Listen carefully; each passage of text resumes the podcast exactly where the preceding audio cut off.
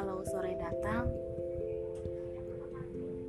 pasti banyak cerita yang pengen disampaikan kalau pagi datang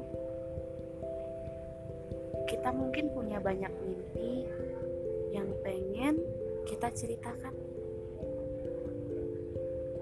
dan menjelang kita tidur pasti ada hal yang pengen kita tulis tapi belum tersampaikan. Dari sahabat mentari, salam sejuta kehangatan.